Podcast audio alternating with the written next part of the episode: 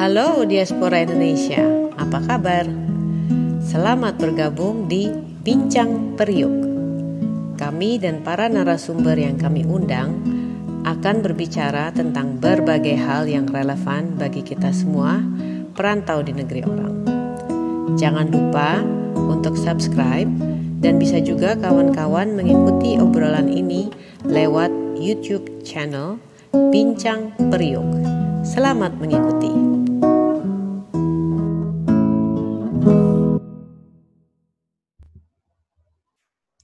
Halo, selamat datang di Bincang Priuk. Saya Enggi. Kali ini saya bersama narasumber Tessa Dennis. Dia seorang entrepreneur dan seorang community activist. Jangan lupa di-subscribe dan juga bisa mengikuti perbincangan hari ini di Bincang Priuk YouTube channel. Selamat mengikuti. Bu Tessa, apa kabar? Baik, Enggi, apa kabar? Baik, udara bagus ya hari ini. Iya, alhamdulillah nih. Uh, apa cerah ceria. Seperti Bu Tessa. Iya. Terima kasih. Ini Bu, um, perbincangan kali ini saya ingin tahu nih, Ibu di Inggris sudah berapa lama ya?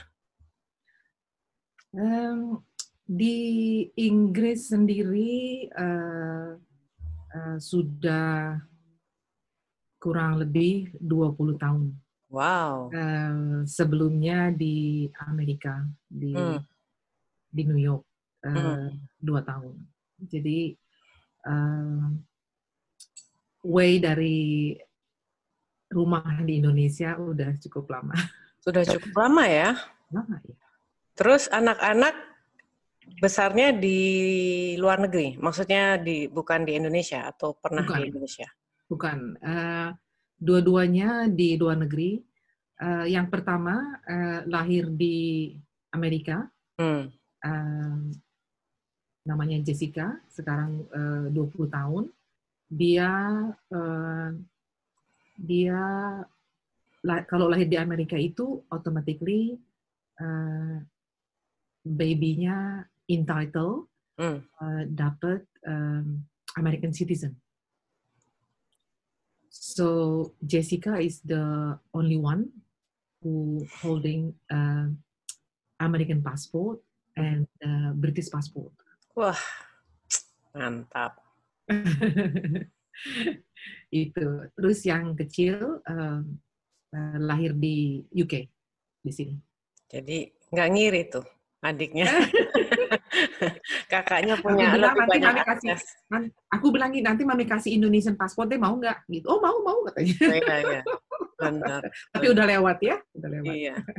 Terus sekarang uh, kegiatan Bu Tessa apa di Inggris nih?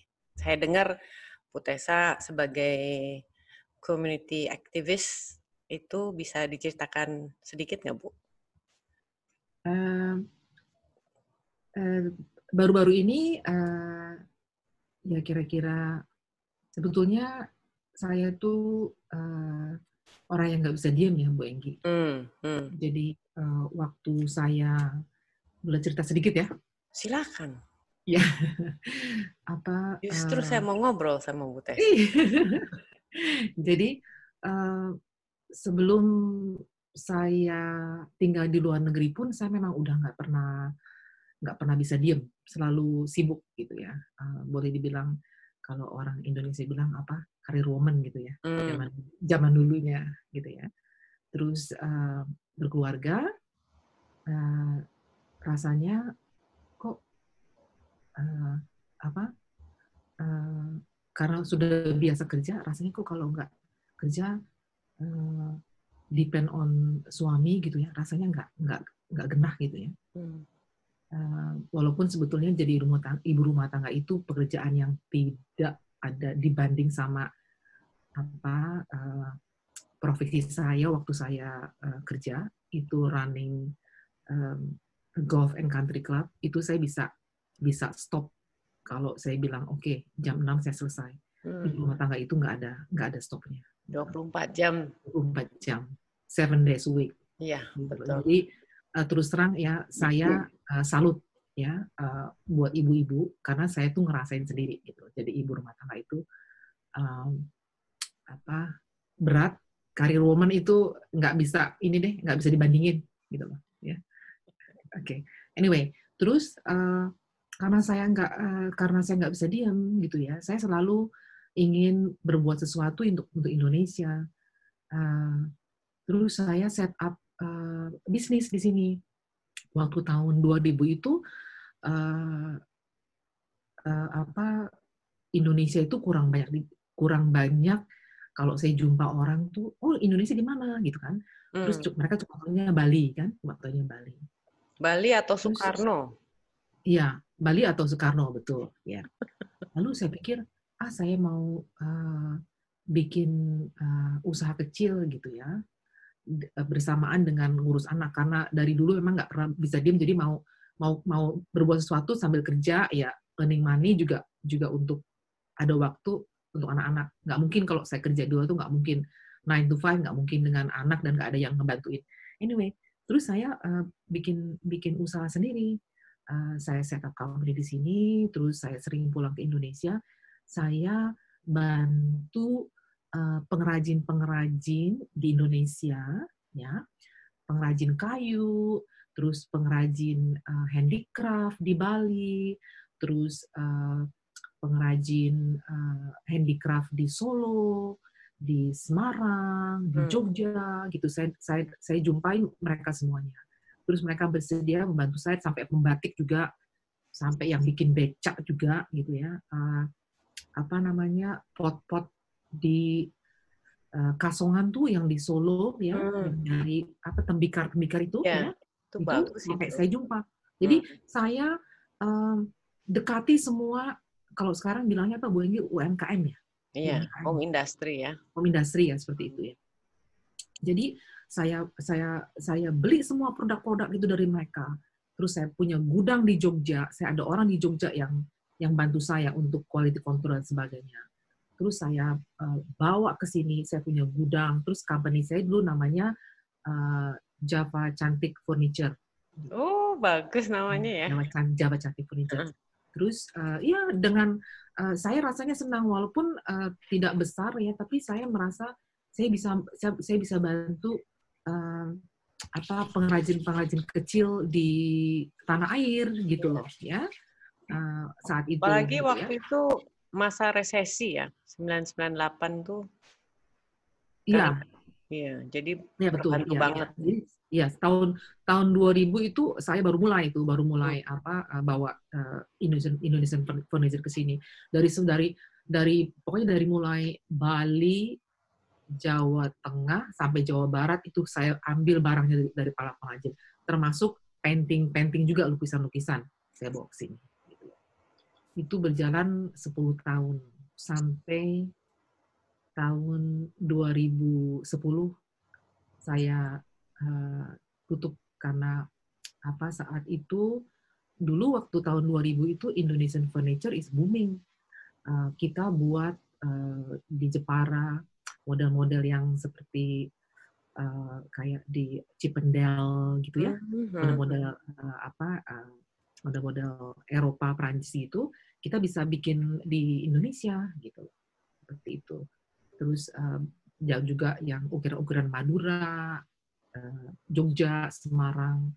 Gitu. Uh, topik beda nih ya, kan secara Butesa tahu dari sejak 2005 dan mungkin lebih awal dari itu pembicaraan dual nationality atau warga negara ganda kan telah bergulir ya. Hmm, yeah. Tapi hingga hingga saat ini masih menjadi wacana. Jadi uh, tingkatannya tuh belum ke jenjang yang lebih tinggi, gitu kan. Yeah. Nah, uh, sebagai entrepreneur yang banyak bekerja dengan uh, saudara-saudara kita di Indonesia dan juga sebagai komunis community activist yang bekerja dengan saudara-saudara kita yang di luar negeri. itu uh, saya ingin tanya pendapatnya Bu Tessa tentang dui kewarganegaraan ini. Apa apa namanya? Uh, apakah uh, pandangan Bu Tessa mengenai uh, diaspora yang uh, yang bisa mempunyai dui kewarganegaraan ini akan lebih berkembang atau akan dengan dui kewarganegaraan jika diadopsi uh, oleh negara Indonesia akan menjadi sebuah malapetaka. Opini Ibu bagaimana, Bu? Oke. Okay. Uh, uh, ini ada ada uh, ada plus dan negatifnya Bu Enggi ya. Hmm. Uh, pastinya ya. Uh, mungkin uh, buat uh, buat kita atau teman-teman yang yang sudah lama tinggal di luar negeri uh, tentunya uh, apa uh, pasti ada ada keinginan untuk uh, apa untuk uh, untuk kembali ke Indonesia mm. uh, di kemudian hari.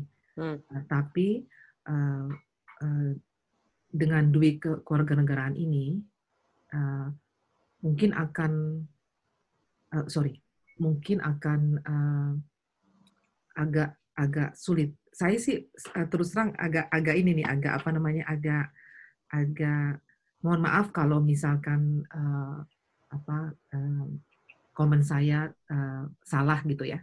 Oh, uh, tidak ada yang salah kalau komen. itu opini. Ini, um, uh, uh, positifnya hmm. buat kita ya, uh, karena kita di sini sudah lama, ya, untuk uh, bukan berarti bukan berarti kita tidak patriotik dengan hmm. Indonesia, hmm. ya, uh, tetap uh, uh, jelas apa uh, uh, apa namanya dalam hati kita kita ini Indonesia Ya. Merah putih di dadaku. Merah putih di dada. Ya. Hmm.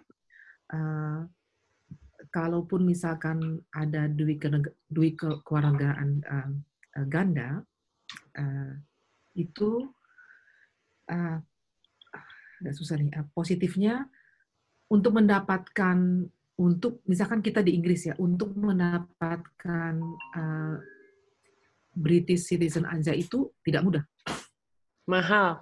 Mahal ya mahal sekali gitu loh ya uh, makin dari, tahun makin naik makin lama makin naik ya karena mereka juga nggak mau kebanyakan keluarga apa warga negara juga kan sebenarnya ya. uh, makin lama makin naik udah itu bukan cuma bukan cuma mahal juga.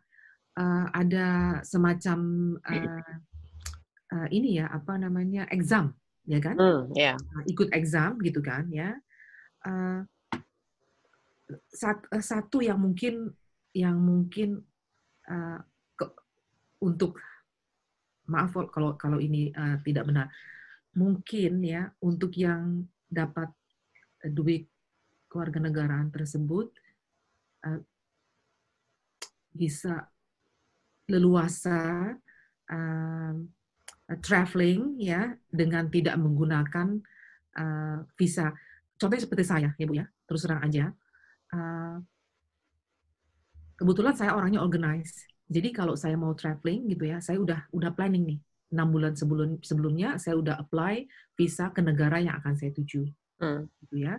Kadang-kadang uh, kadang-kadang sampai pernah uh, mendadak mau pergi ke negara lain tapi paspor saya masih ada di uh, negara yang yang saya minta.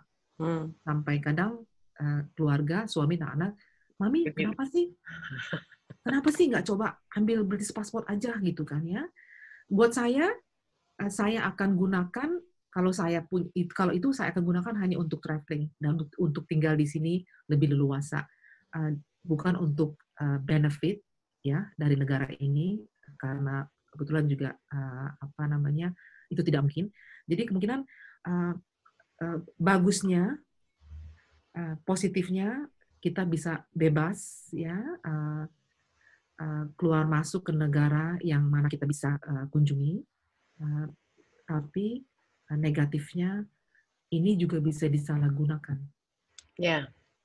Disalahgunakan uh, dengan apa namanya uh, uh, benefit. Jadi jadi punya dua benefit ya nggak. Uh, terus uh, di Indonesia dan di negara uh, negara yang kita tinggal di sini. Hmm. Uh, satu lagi itu untuk uh, law-nya Bu Enggi, perkara law ya. Kalau misalkan ada apa-apa itu uh, ya bukannya urusan saya sih untuk law ya, tapi uh, saya rasa itu agak agak sulit untuk Indonesia uh, untuk menerapkan uh, sistem law-nya. Ya, ya karena kalau orang yang mempunyai dui keluarga negaraan kan berarti dui semuanya. Iya. Hukumnya dua, perlindungannya dua, benefitnya dua. Iya. Tapi juga non benefitnya ada dua, gitu ya. Memang inilah yang menarik tentang dui keluarga negaraan eh, dan patut untuk dibicarakan eh, di antara kita gitu, di antara kita yang nanti uh, melakukan apa namanya hal itu. Misalnya kalau harus oh udah bisa duit kewarganegaraan, ya tetap kita kan harus melakukannya secara aktif untuk mendaftarkan ya. menjadi keluarga ya. negaraan misalnya gitu. Betul, iya betul. Nah, tapi juga kalau saya sih lihatnya uh, memang uh, teman-teman yang sedang menggiatkan kewarganegaraan ini, duit kewarganegaraan ini harus melihat dari berbagai uh, apa namanya tingkatan keperluan uh, akan tambahan kewarganegaraan. Jadi kayak misalnya kayak uh, Bu Tessa dan saya kan kita nggak main gitu untuk misalnya jauh-jauh hari apply visa gitu kan. Yeah. Atau misalnya pekerjaan kita kita kita atur sedemikian rupa supaya kita masih bisa menggunakan paspor. Tapi ada juga yang tingkatannya yang memang kalau nggak pakai paspor emang nggak bisa gitu dari pekerjaannya kah atau dari kondisinya atau dari apa. Jadi mungkin hmm. itu yang tingkatan-tingkatan harus diperhatikan dari yang ekstrim sampai yang tidak ekstrim dan harus dicari jalan tengahnya mungkin. Iya, betul. Nah, kalau nggak gitu, ya susah juga karena diaspora itu ke, ke luar negeri kan dengan latar belakang yang berbeda, cerita iya. yang berbeda, pekerjaan betul, yang berbeda gitu iya, ya. Iya, iya. Hmm. Gitu. Saya rasa, uh, sorry, Bu Enggi. Ya. Uh, uh, saya rasa ya, uh, duit kewarganegaraan ini uh, kalau uh, diberlakukan hanya untuk orang yang sudah tinggal lama di sini Hmm. Mungkin ya. Lagi pula, lagi pula tidak mudah juga buat orang yang uh, orang Indonesia untuk men, mendapat kewarganegaraan di negara yang mereka tinggal. Yeah. Jadi nggak bisa juga nggak bisa juga semena-mena kita mau uh, uh, dapatkan itu gitu. Jadi misalkan misalkan wah uh, misalkan punten ya, misalkan wah di Indonesia nih ada orang yang super kaya gitu ya, terus pengen tinggal di luar negeri gitu ya, uh, kan walaupun kaya kan uh, nggak bisa dapat resident uh, visa ya, unless unless they are a spouse hmm. ya, or uh, student tapi juga student kan kalau master degree cuma satu tahun yeah. ya iya. karena saya juga tahu banyak teman-teman yang ke sini mereka dapat uh, mereka belajar satu tahun dan uh, itu sudah sekarang lebih strict. Jadi sudah ditentukan ya uh, seles, uh, selesai masa belajar itu ada ada mungkin kira-kira satu bulan mereka sudah ada tiket yang harus kembali ke Indonesia. Yeah. Sekarang Jadi, memang tidak ada tidak ada tawar menawar. Hmm. Gitu. Jadi kalau misalkan duit kewarganegaraan itu hanya uh, hanya diberlakukan untuk warga Indonesia yang um, yang sudah punya yang sudah punya um, visa uh, indefinite di sini. Yeah. bisa tinggal ya. Bisa tinggal. Gitu loh. Karena sebetulnya kayak Ibu Enggi sama saya, kita kita nggak ada bedanya punya British passport dan uh, apa Indonesia misalkan gitu ya. Uh, kita di sini hak kita sama. Ya kan? Saya saya saya Indonesia ya uh, merah putih dan dan uh, apa namanya? Saya masih Indonesia dan uh, hak hak saya sama di sini yeah. Orang di sini ini sangat toleransi sekali. Iya. Yeah. tidak tidak dibedakan gitu loh. Iya. Yeah. Apalagi yeah. kalau iya kalau sudah punya PR sih sebenarnya semuanya bisa gitu, kecuali kita voting. Ya, voting nggak boleh. aja kita nggak nah. bisa. Tapi bagus juga tuh uh, idenya Bu Tessa untuk orang-orang yang orang, orang misalnya nih ya, kalau hmm. nanti wacana keluarga negeri keluarga negara ini diangkat ke jenjang yang lebih lanjut, ya ada ketentuan orang-orang yang memang sudah mempunyai izin tinggal uh, apa izin tinggal tetap di negara tujuan. Betul. Gitu ya. ya. Karena karena itu kan berarti kita sudah ya memang sudah mau tinggal di sini dan sudah ber kerja di sini, menetap di sini, tapi Betul. kita tetap juga sebagai orang Indonesia. Daripada Betul. nanti kalau tidak ada ketentuan itu ya kata seperti kata Bu Tessa nanti ada orang ah saya mau Bosan. negeri aja deh gitu karena nah, kedua gitu. Padahal sebenarnya ketentuan setiap negara itu Berbeda. semakin lama semakin ketat memang untuk menerima hmm. apa namanya menerima penduduk-penduduk baru gitu karena kan resources hmm. mereka juga semakin kalau semuanya keluar ya ke negara itu kan ya habis juga gitu loh pun di mereka gitu. Betul, iya betul, ya. itu bagus. Itu banget. mungkin itu mungkin ah, itu poin yang saya uh, apa namanya yang saya uh, uh, ajukan ke uh, Bu Enggi. Uh, bila mana ini uh, DK ini uh, uh, dilaksanakan, jadi hanya untuk um, warga Indonesia yang sudah punya indefinite um, visa tinggal hmm. permanen. Hmm.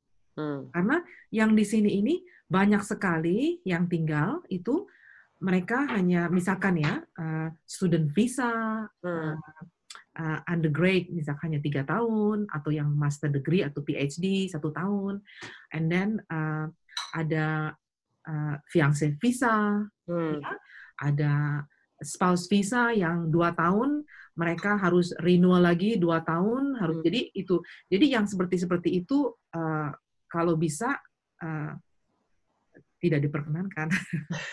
Wah, center banyak musuhnya.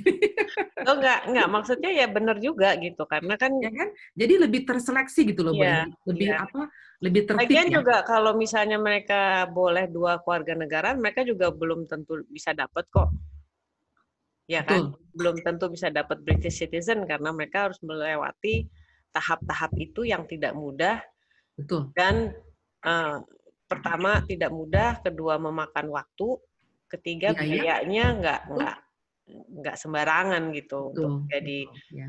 uh, warga negara Inggris tuh mahal banget jadi Betul. kalau kadang-kadang tuh kalau saya bicara dengan teman-teman yang di Indonesia suka bilang wah naturalisasi tuh jadi orang Indonesia tuh mahal loh gini-gini. Ya iyalah di Inggris juga mahal banget untuk jadi warga negara. Iya, Karena iya. apa benefitnya tuh ya banyak gitu kan. Jadi iya, emang iya. negara harus sangat seleksi dan selektif Betul. dan saya setuju untuk itu gitu loh. Iya. Nah, saya rasa itu yang itu yang uh, yang saya paling bisa apa uh, kemukakan ke Bu Endi. Ya. Dan saya juga uh, sebenarnya concernnya nih kayak gini kayak Putesa kan uh, memiliki putri dua orang putri ya, ya. Yang uh, men, apa namanya walaupun mempunyai darah Indonesia tetapi uh, besar dan tumbuh di lingkungan di luar Indonesia. Sama saya, saya seperti saya anak-anak saya sudah besar-besar walaupun mereka sempat tinggal di Indonesia, tapi ketika mereka dewasa ya mereka di Inggris gitu ya. ya. Nah ini ini kan sebenarnya kalau dipikir ini bisa dibilang generasi kedua lah orang Indonesia yang yang merantau orang Indonesia maksudnya Indonesia dalam arti mereka masih mempunyai darah Indonesia dan anak-anak ini kan sebenarnya mereka mempunyai potensi yang sangat besar ya. Hmm. Karena ya kayak ya seperti anaknya uh, putrinya Bu Tessa pasti bahasa Inggrisnya lancar ya kan. Ya. Terus pendidikannya bagus pasti dan mereka bisa apa namanya um, ibaratnya dunia ini adalah panggung bermainnya mereka lah.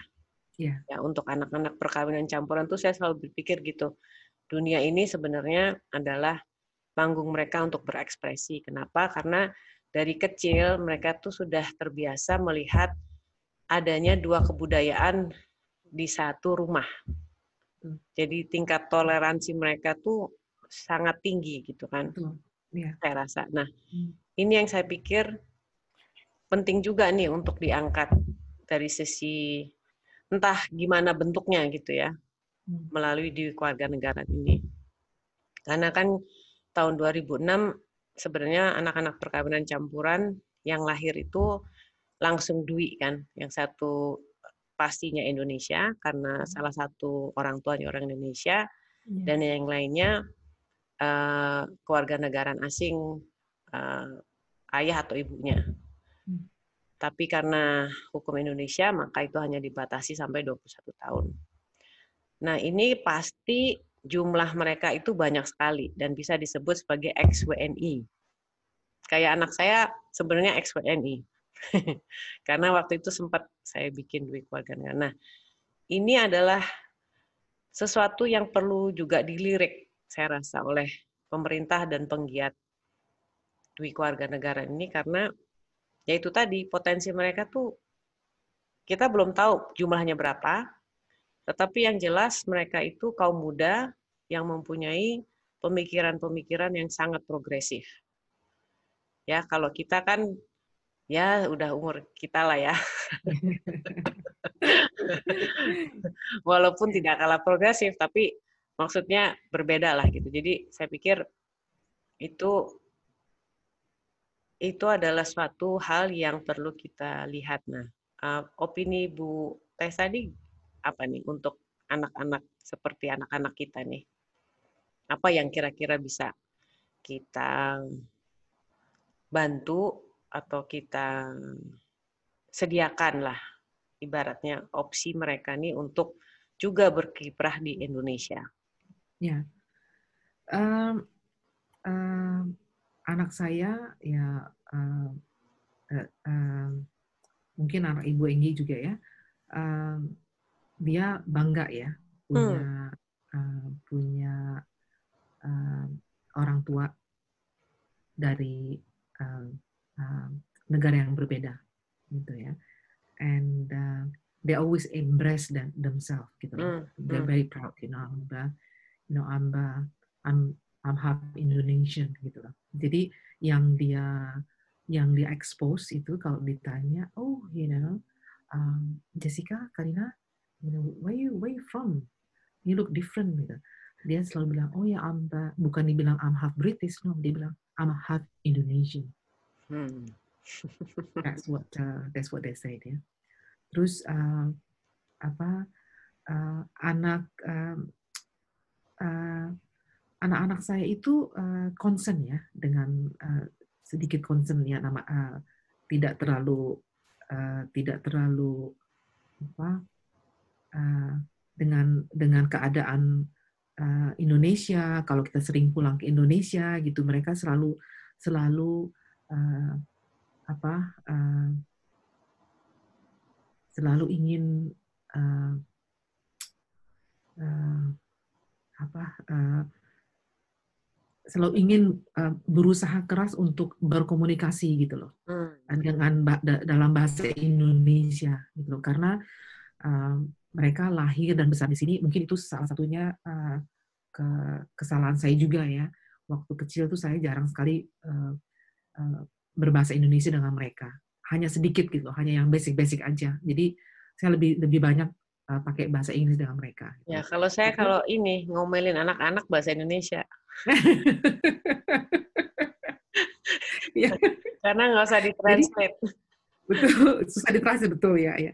Jadi buat mereka tuh mereka uh, ingin sekali uh, bisa berbahasa Indonesia. Hmm. Terus seperti uh, anak saya dua-duanya ini bilang, mami kalau uh, apa namanya kalau saya udah besar saya mau mau kalau saya udah selesai kuliah saya mau ambil uh, gap year gap year-nya bukan setelah bukan mau kuliah jadi setelah kuliah oh, yeah. dia bilang dia mau dia mau uh, traveling around Indonesia dia mau oh, bagus itu mau mau belajar mau apa mau mengajar di desa-desa belajar bahasa Inggris gitu loh free gitu loh asal mereka asal mereka tahu ke daerah mana gitu loh jadi mereka antusias sekali gitu loh hmm.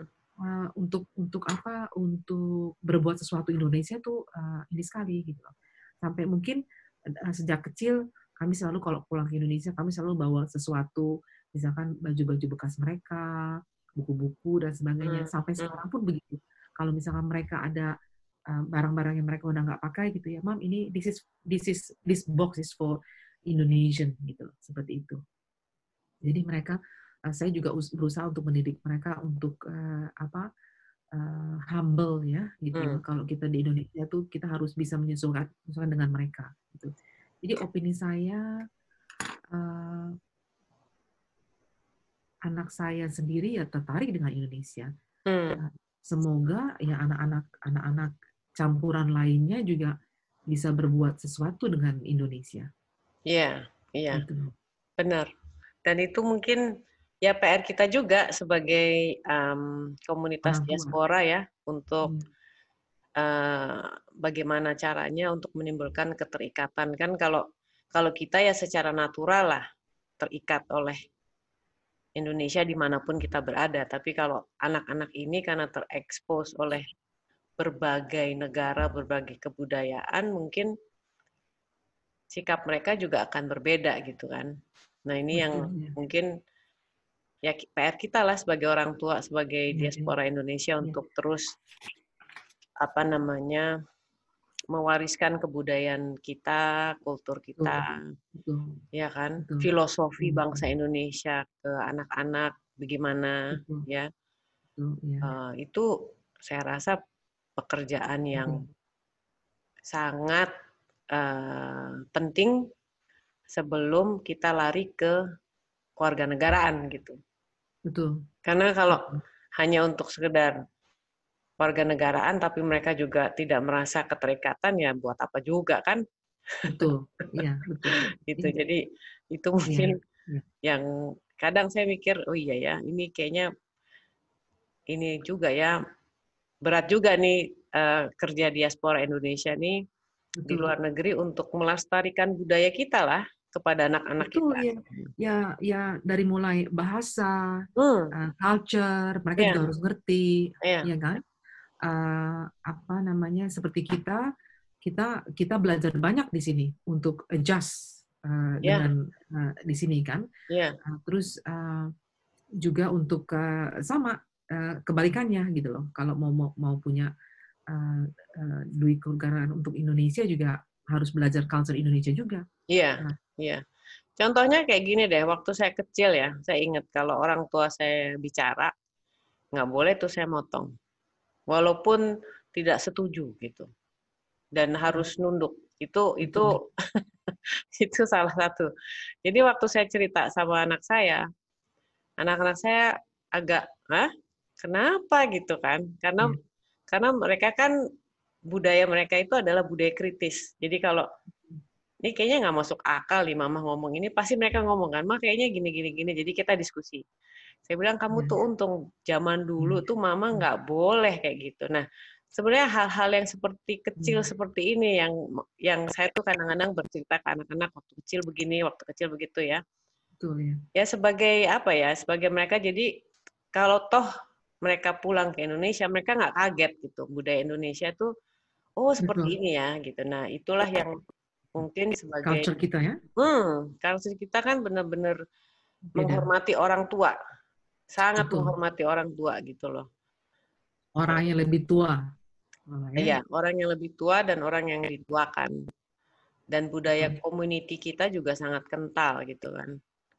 Jadi ya saya pikir itu yang menjadi PR kita semua ya Bu Tessa ya. Iya, betul. Iya, iya.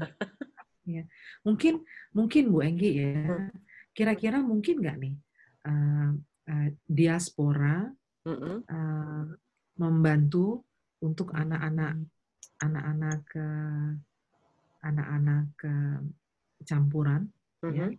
untuk eh, apa namanya untuk eh, semacam eh, Summer camp. summer camp Bisa. gap year seperti Bisa. itu ya jadi kita di sini ya kan berapa berapa jumlah anak eh, Banyak. campuran yang sudah dewasa Hmm. dan yang yang sedang dalam pertumbuhan untuk untuk menuju dewasa gitu kan ya Betul. itu jadi kita bisa kita bisa kerjasama dengan diaspora Indonesia di berbagai um, uh, kepulauan Hmm. gitu. Jadi uh, kita semacam kayak punya kayak punya satu uh, satu uh, apa ya uh, kayak seperti uh, paket gitu loh Hmm. ya yang mana kita bisa uh, presentasikan uh, atau kita punya website Hmm. sendiri ya diaspora punya bahasa sendiri ini cuma ide aja nih Um, jadi untuk memperkenalkan anak-anak kita. Jadi kita tahu kita merasa safe dan merasa tenang. Kita tahu anak kita ini sedang uh, gap year atau atau summer camp di daerah pulau mana. Kita tahu ada orang kita diaspora di Indonesia yang apa yang yang apa yang menjaga gitu loh. Hmm. Hmm. dalam arti kata eh, diberikan kegiatan misalkan eh, misalkan ya misalkan di Yogyakarta di pedalamannya ada SD gitu ya yang atau SMP yang mereka eh, apa namanya eh, perlu belajar bahasa Inggris atau atau Komputer. bahasa Inggris lah ya Iya. ya atau komputer atau gitu ya atau IT Hmm, hmm. dan dan eh, kita kirim nih anak-anak dari sini yang yang mana di Indonesia sudah sudah ada ini di, di- misalkan tiga minggu di daerah mana tiga minggu di daerah mana nanti ada family family yang eh, yang menjaga mereka Hmm. kasih tempat tinggal gitu loh Yeah, that's a good it's, idea. it's free it's free apa namanya mereka nggak dibayar mereka cuma dapat akomodasi sama sama makan apa yang em, Disediakan Ibu- oleh keluarga Ah, itu. Iya, jadi makan sesuai dengan apa yang keluarga di situ makan. Iya. Jadi biar anak-anak kita tahu gitu loh. Iya. Ya, Ya, itu itu good idea itu, Bu. Itu Saya belum rasa ada. itu visible tuh. Itu visible tuh, Bu. Mm-mm, karena kan itu juga untuk anak-anak yang gap year jadi belajar komunitas ya, Ya, belajar betul. Kita Ah, bayar, kita iya. apa? Kita kita kita ki- anak kita kita nggak apa-apa kita kirim ya, kita belikan tiket dari sana, kita Iya. kasih uang saku, tapi mereka nggak digaji, tapi mereka volunteering, iya, helping bagus. the children, The mm, community, mm, belajar ajarkan mereka uh, hygiene ya.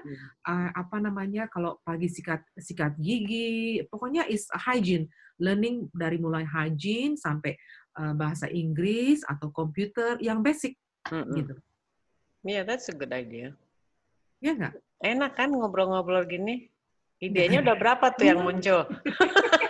berapa tuh ya kan misalkan kita kita nggak sempat pulang ke Indonesia dikarenakan apa gitu oke deh nanti aku hubungin diaspora ibu Enggi atau ibu siapa ada program apa nih tahun depan gitu ya Hmm, saya mau dong nganter anak saya hmm, tiga minggu atau Iya. sebulan.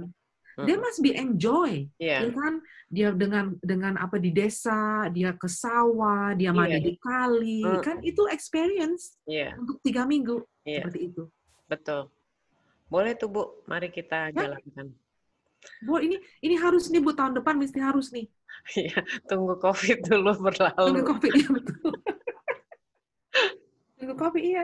Masukin, jangan dikirim ke Jakarta, jangan dikirim ke Jakarta, Jangan, jangan, jangan. jangan. Kirim Karena ke Indonesia Papua. itu juga kan Papua pulaunya gitu, gila, gede, maksudnya besar gitu kan di Oh, Indonesia, Indonesia itu banyak sekali. banyak sekali. Iya, dan itu juga Misalkan, misalkan ada teman kita di sini yang apa dari Sulawesi gitu ya, keluarga di Sulawesi gitu ya. Jadi kita harus punya cabang-cabang. Ada Sulawesi. Jadi biar anaknya ini tahu mamanya tuh dari Manado, di sana tuh bagaimana. iya, ya ngapain aja ngapain aja saya Hmm. dari Jawa Barat ya anak saya dikirim tuh ke mana ke Cianjur kayak ke mana gitu ya ke Ciamis gitu ya di desa sana gitu ya nggak Hmm. apa-apa gitu biar mereka tahu tuh ada yang oh misalkan Ibu Enggi ada dari Jawa Tengah eh, anaknya dikirim ke sana gitu. Hmm, jadi iya. umur pun tidak umur harus di atas 18 tahun iya. atau di atas pokoknya eh, setelah selesai eh, SMA ya?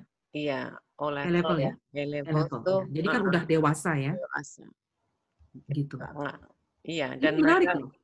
Ini iya menarik, itu itu menarik itu sekali. itu itu ide yang bagus banget.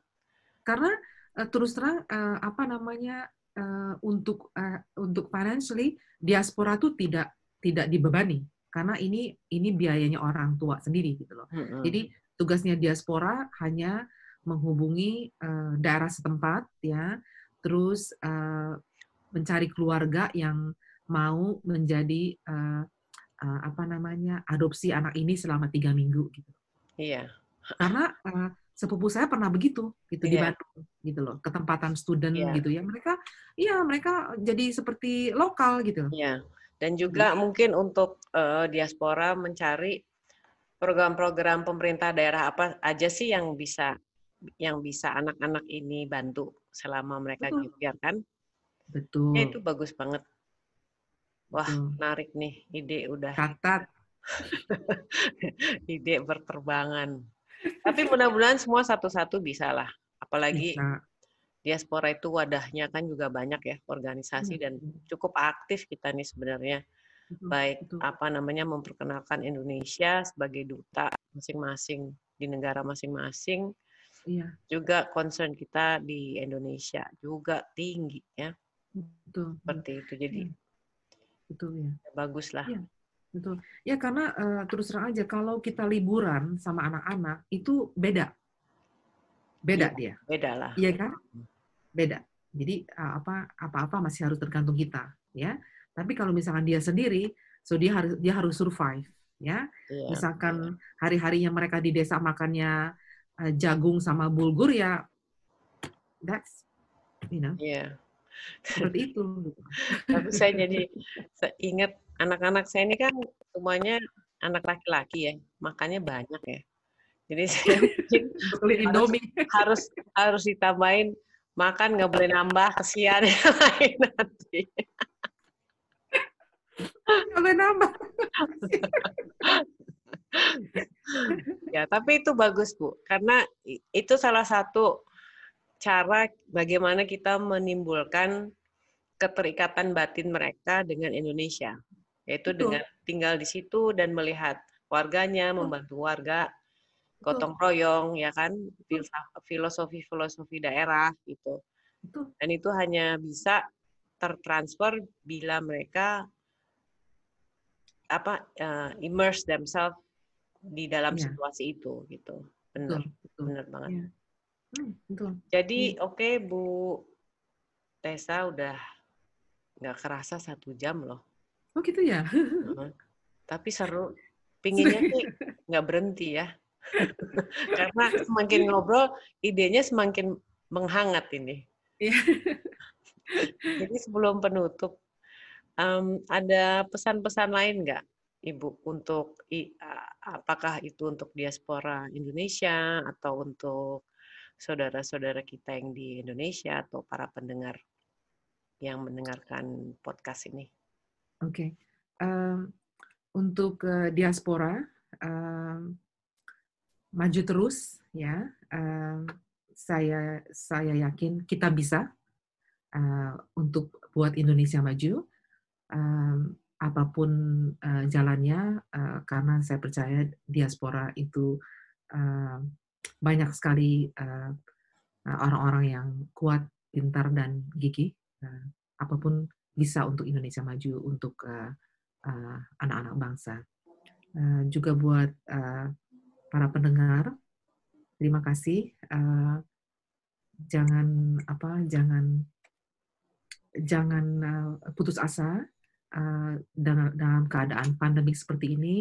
Eh, kita yakin dan positif ini akan akan segera berlalu dan eh, semoga eh, para pendengar uh, dan teman-teman di uh, di Indonesia dan di mana pun berada yang mendengar uh, obrolan saya dengan Ibu Enggi uh, untuk tetap ber, uh, berkreatif uh, dalam bidang apa pun juga. Jangan takut. Jadi uh, walaupun kecil, uh, jangan jangan berhenti. Uh, ada pepatah bilang uh, uh, small, even though small, but uh, let's make uh, different. Hmm. Gitu. Ya, jadi uh, jangan takut, oh uh, tidak berani enggak. Pokoknya dicoba aja, hmm. semua pasti bisa. Apa pun uh, apa pun bisa terjadi. Amin. Gitu. Saya rasa itu saja. Uh, apa stay healthy and stay safe. Uh, be positif, semuanya akan berlalu. Kita akan uh, hidup uh, normal uh, kembali. Ya betul. Jadi uh, senang sekali Bu Tessa, terima kasih uh, untuk waktunya ngobrol-ngobrol, berbagi cerita, berbagi pengalaman, dan berbagi ide. Semoga ini obrolan kita santai sore hari ini membawa manfaat ya Bu ya. Amin. Semoga ya Bu. Iya. Oke, okay, para pendengar, um, tunggu podcast berikutnya ya. Terima kasih sudah mampir. Bye-bye.